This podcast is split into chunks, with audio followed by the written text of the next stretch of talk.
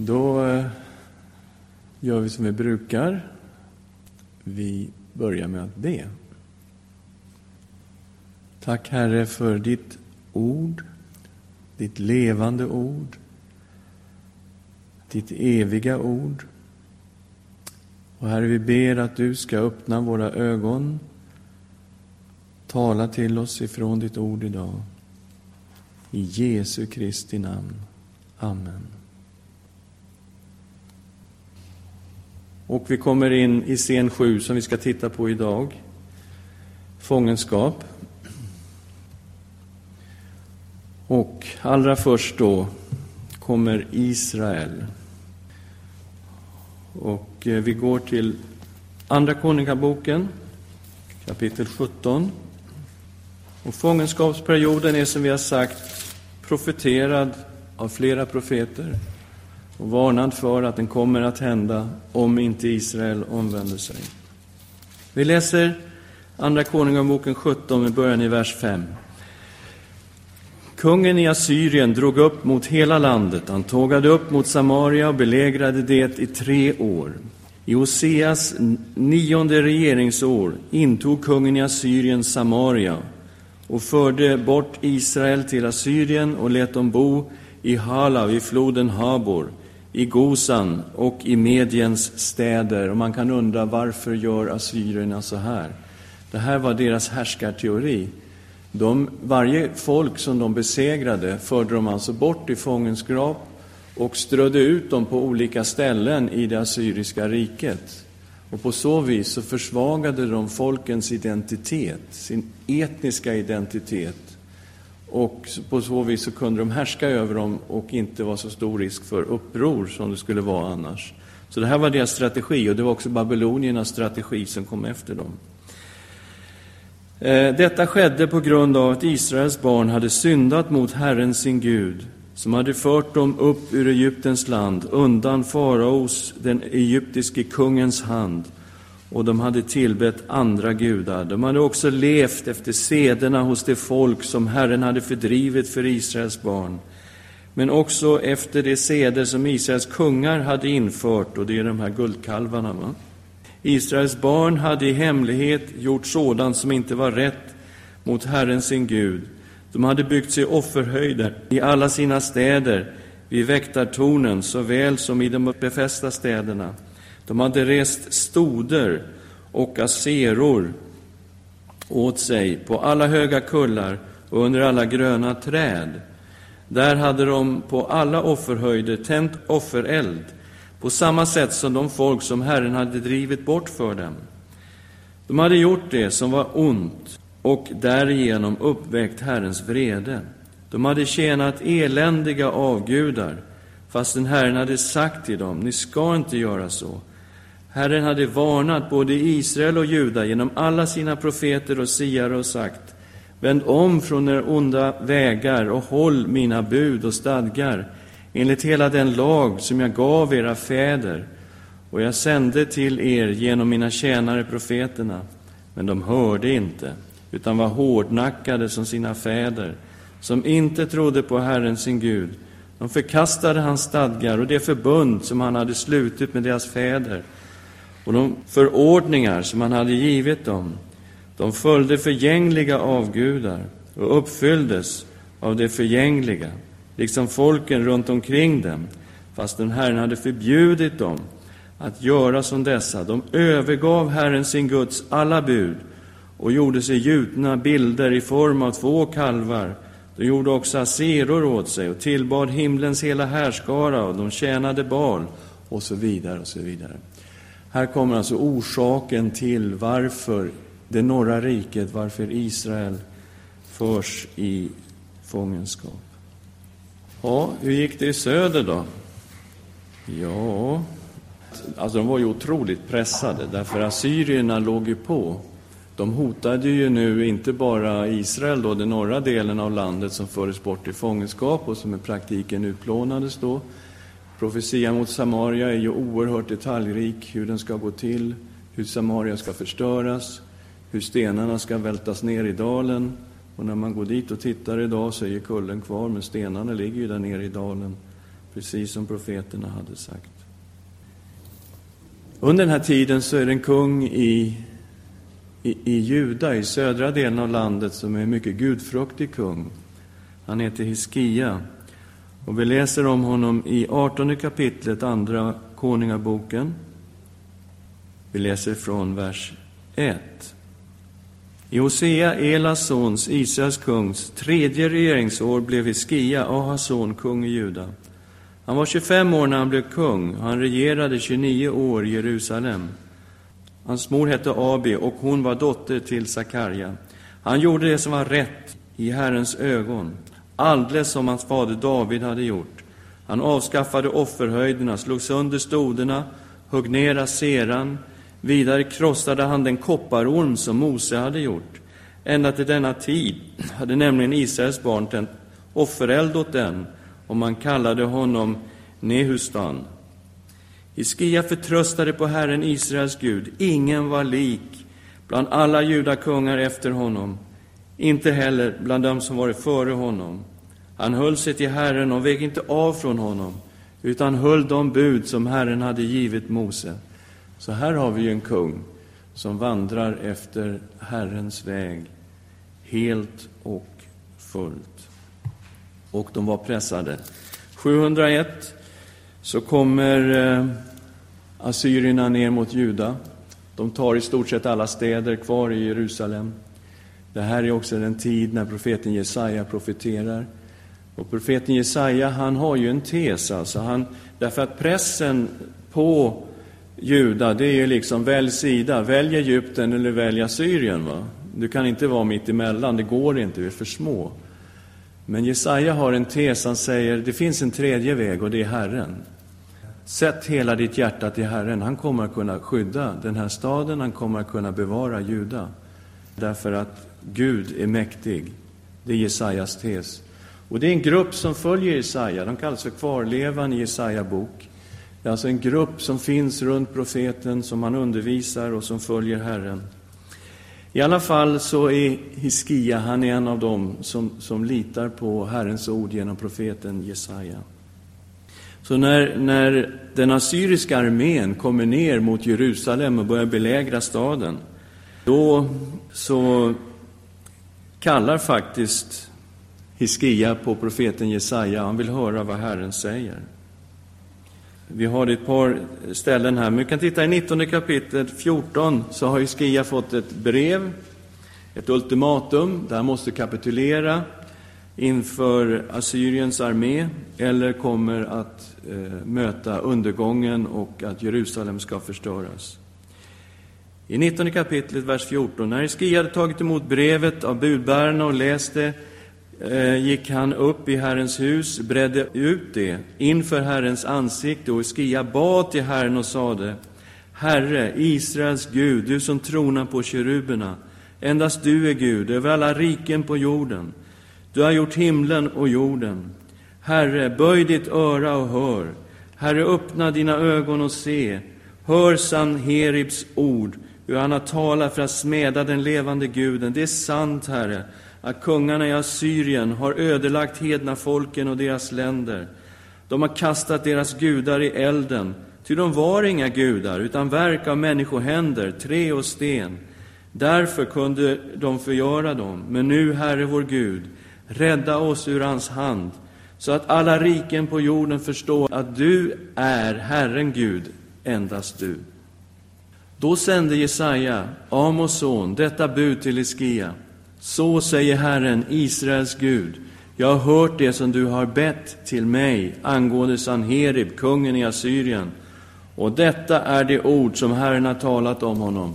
Och så kommer en profetia från Jesaja där han säger att den här kungen kommer inte in i Jerusalem. Han kommer att få återvända tillbaks till sitt land.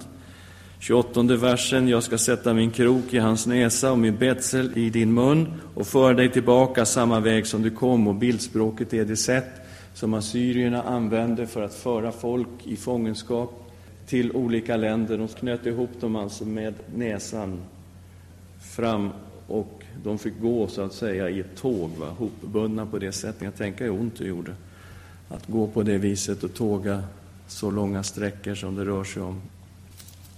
Sen säger 35 versen, summan av detta. Samma natt gick Herrens ängel ut och slog 185 000 i assyriernas läger. Och när man steg upp tidigt följande morgon, se, då låg där fullt av döda kroppar. Då bröt Sanherib, kungen i Assyrien, upp och vände tillbaka. Han stannade sedan i Nineve. Och när han en gång tillbad i sin gud Nisroks tempel blev han dödad med svärd av sina söner. Så Herren befriade Jerusalem under en totalt omöjlig tid, alltså mot en övermakt som var... Ja, de hade inga odds att klara sig. Alla andra hade åkt dit. Samaria hade blivit utplånat. Israel fanns ju inte längre. Och nu var det Judas tur.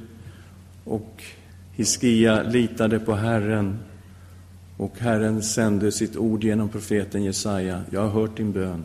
Jag kommer att skydda staden. Och det var Jesajas tes. Det finns en tredje väg.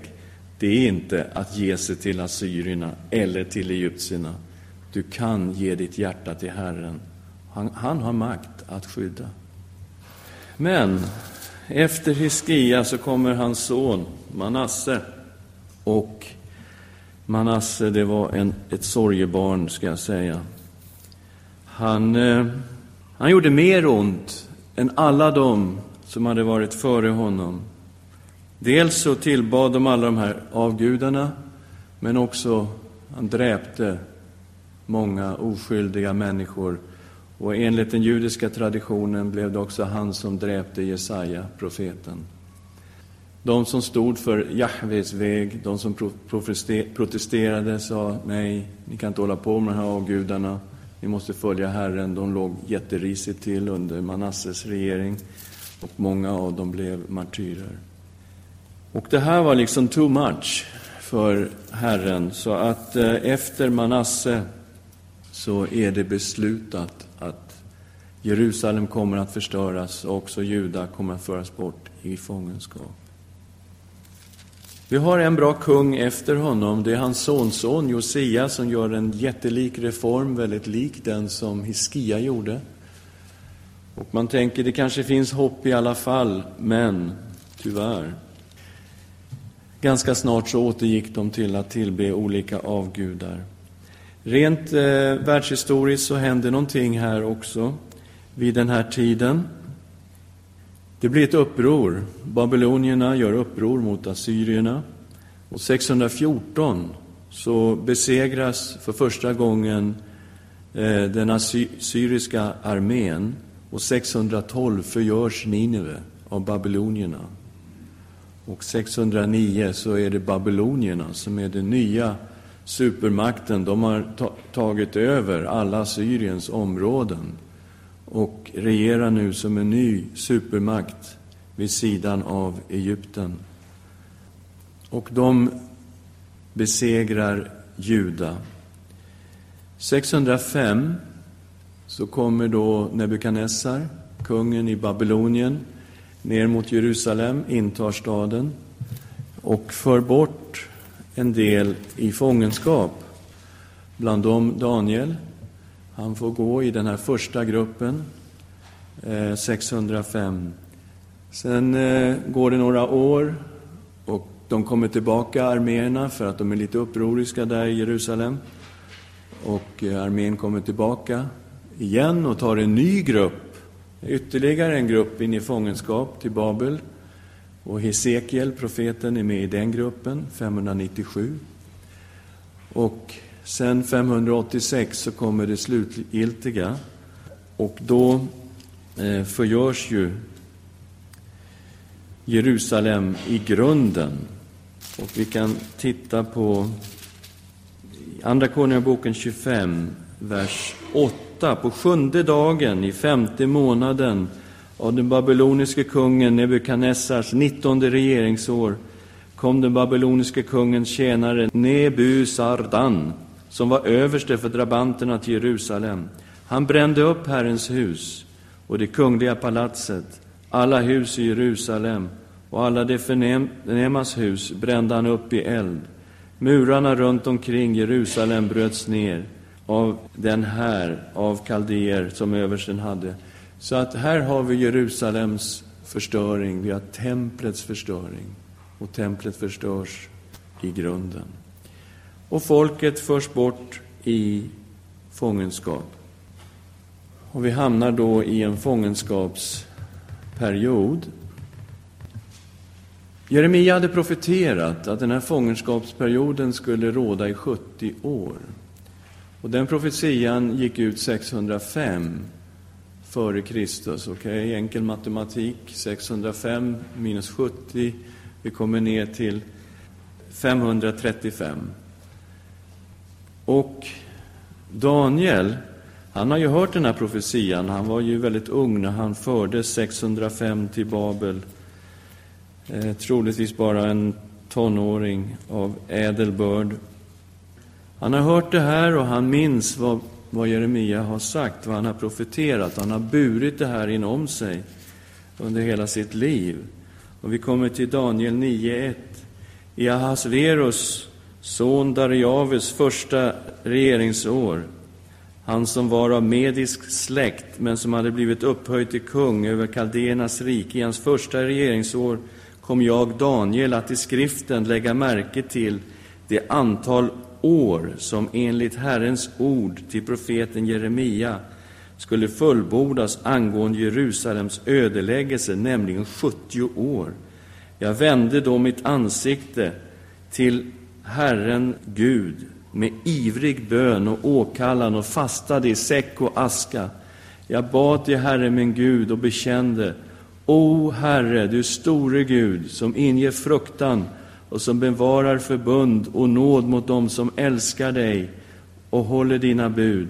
Vi har syndat och gjort orätt och varit ogudaktiga och upproriska.